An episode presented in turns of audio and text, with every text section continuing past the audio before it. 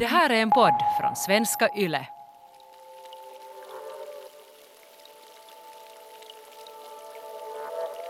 En sen onsdagskväll i början av april 1929 ringer telefonen på polisstationen i Salo. Personalen på Salon Uusi hotelli hör av sig. Det går oroligt till på hotellet. En för polisen känd sprittrockare, Tore Laukkanen, är mycket berusad och han härjar och bråkar på hotellets restaurang. Nu ber personalen om hjälp av polisen för att kunna slänga ut Laukkanen ur restaurangen. Den unga poliskonstapeln Lauri Vesala drar en djup suck efter samtalet. Han och hans kollega har avlägsnat sprittrockaren från hotellrestaurangen redan kvällen innan av samma orsaker. Då hade Laukanen hotat polisen och meddelat att han skjuter om det behövs. Någon lätt kamp lär det alltså inte heller bli ikväll. Och det blir det inte heller. Ikväll kommer den unga 25-åriga poliskonstapeln att bli en av de totalt 43 poliser som får sätta livet till under förbudstidens våldsamma år i Finland. Det här är den andra delen i Svenska Yles podcast Spritkungen som blev ett vrak av Nora Engström.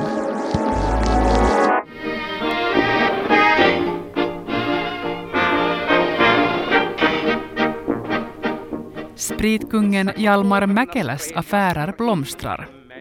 Det var ett bra drag att dra flyttlasset från Åbo till den lilla skärgårdskommunen Korpo i Åbolands skärgård. Regelbundet packar Hjalmar Mäkelä sin stora svarta läderväska. Med den åker han in till banken i Åbo. För alla sedlar från spritsmugglingen de måste ju lagras någonstans. Han är också uppfinningsrik när det gäller att transportera spriten så snabbt som möjligt.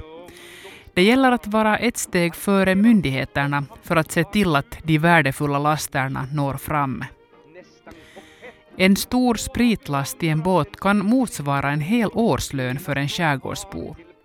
Det är inte småpengar det är frågan om. Så här berättar Gustav Wikström som jobbar med en bok om smugglingen i Åbolands skärgård.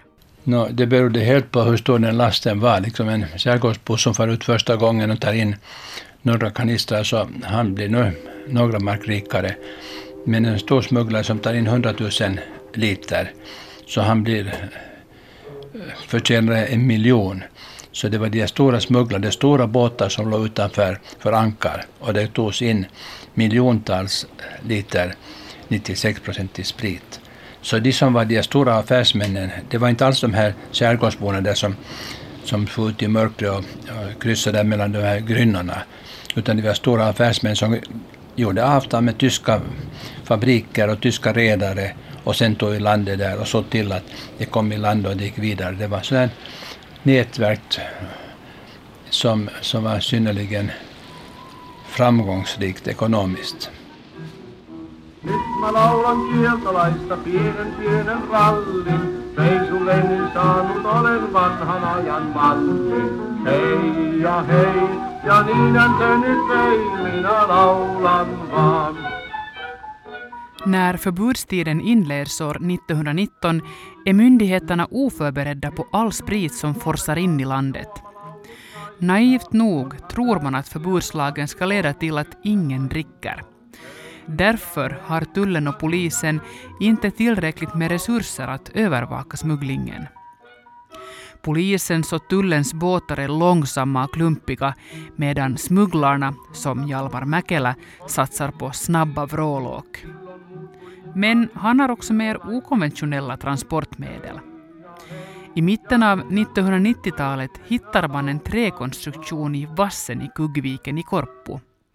Den har legat där i väder och vind i 60 år. Det visar sig vara Hjalmar Mäkeläs spritslede, ett minne från gångna tider. Den är nu uppriggad på väggen i Sherrymuseet i Korpo, berättar guiden Torkils Bäckman. Jo, han är ju för att vara murare, liksom, yrke så kunde jag kanske ha blivit ingenjör istället. Men att han, han, han byggde ju en sån där, uh, som man kallar själv, flygslede som såg ut som en, en lite större hundkoja. och satt en flygplansmotor bakom som skuffade den, skuffade den på isen så att den lär ha gått något 70 kilometer i timmen. Och sen byggde, förbättrade han den här modellen ännu så att han byggde en som såg ut som ett flygplan nästan mera strömlinjeformad. Och, och med den lär man ha varit till och med till, i Åbo med den för det finns bild, bilder kvar det där från, från det. I början av förbudstiden ser myndigheterna bara röken av smugglarnas båt när den gasar undan lagens långa arm.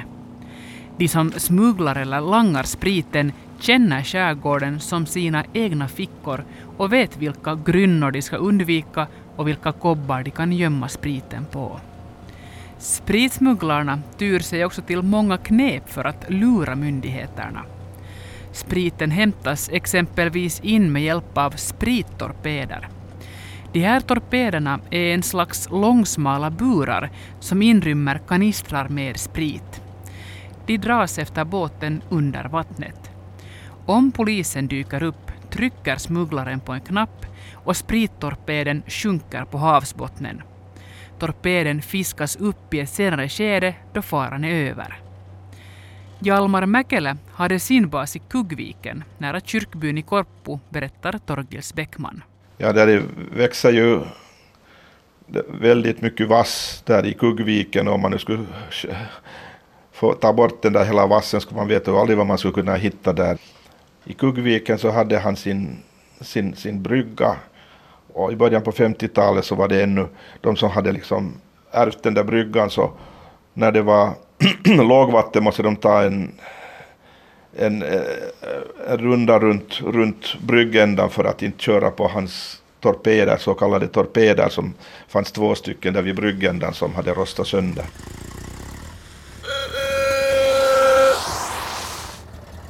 Rika spritsmugglare skaffar också bilar, något som är ovanligt på den här tiden. Då många poliser använder sig av cyklar eller hästvagnar så kan man säkert räkna ut vem som är snabbare. Hjalmar Mäkelä skaffar sig också en bil i Korpo, en ort som knappt har ordentliga förbindelser eller vägar på den här tiden. Han köper också en lastbil och en liten sportbil till sin son. Men på 1920-talet trappas kampen om spriten upp. Myndigheterna skaffar snabbare båtar och bilar, delvis tack vare att de smugglare som ertappas förlorar såväl lasten som båten till staten. Polisen i Åbo gör större reder i skärgården för att hitta gömda spritlaster. Den 23 december 1926 skriver tidningen Arbetarbladet Hel åländsk by åtalas för innehav av vapen eller sprit. Totalt 46 man gjorde undersökningar i byn Åva på Brändö. Sammanlagt beslagtogs 19 540 liter sprit. Därutöver hade tullmännen tidigare konfiskerat 6 000 liter sprit. Endast i folkskolan och hos en gammal änka samt i Trenne avlägset belägna torp hade man icke överkommit något. För övrigt hade man beslagtagit antingen sprit eller vapen i samtliga övriga byggnader i byn. Den lilla byn hade sålunda gömt åtminstone något över 26 000 liter sprit.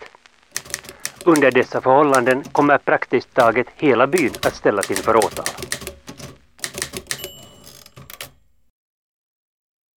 I och med att myndigheterna utrustar sig bättre känner smugglarna sig mer trängda och det leder till eldstrider mellan myndigheter och smugglare. Tyvärr får många personer sätta livet till.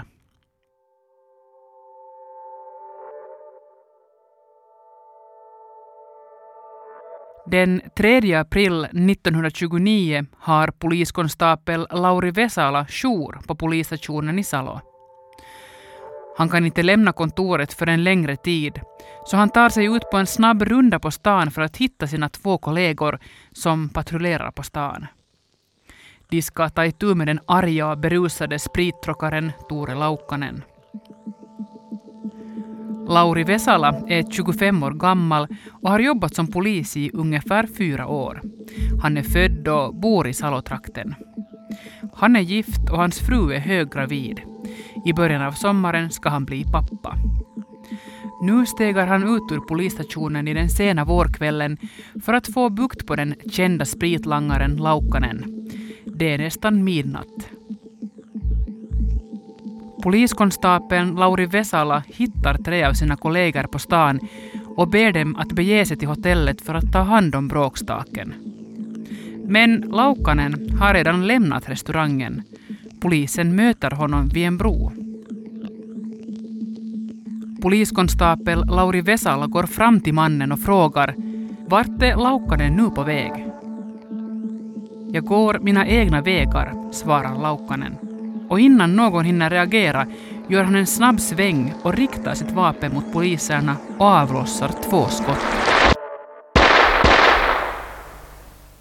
Det ena skottet missar sitt mål, men det andra träffar Lauri Vesala som segnar ner på marken. De tre övriga poliserna rusar fram till spritrockaren och brottar ner honom. Den unga polismannen transporteras med ilfart till länsläkaren i Salo. Men läkaren kan endast konstatera att polismannens liv inte går att rädda. Han är redan död. Lauri Vesalas död väcker stor uppmärksamhet i pressen och flera tidningar skriver om fallet med bestörtning.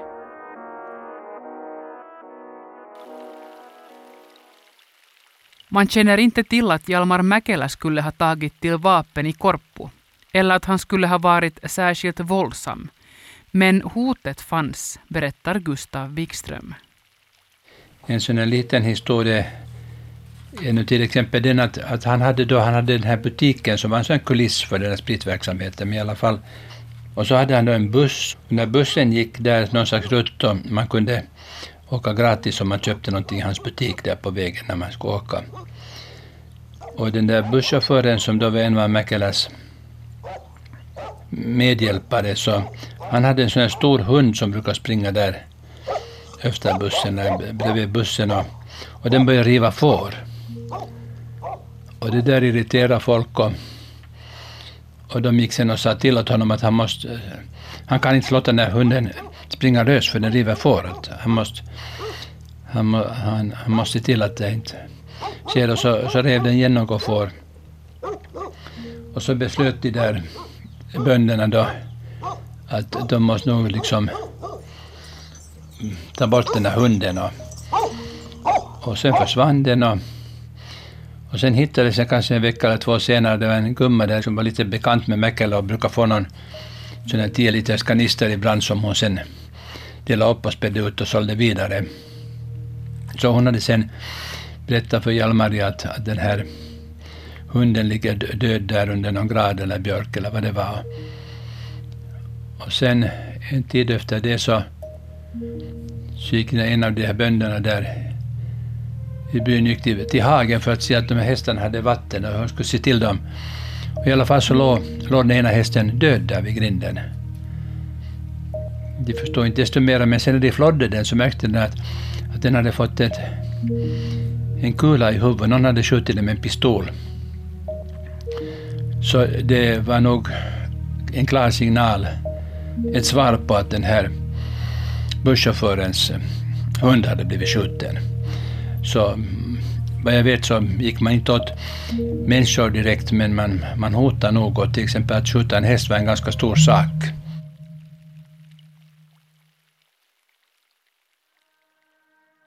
Hjalmar Mäkelä var kung i Korpu under förbudstiden och ville visa det på olika sätt. Men hans storhetstid höll på att ta slut och förvandlas till sorg. Det här var andra delen i Svenska Yles podcast Spritkungen som blev ett vrak av Nora Engström.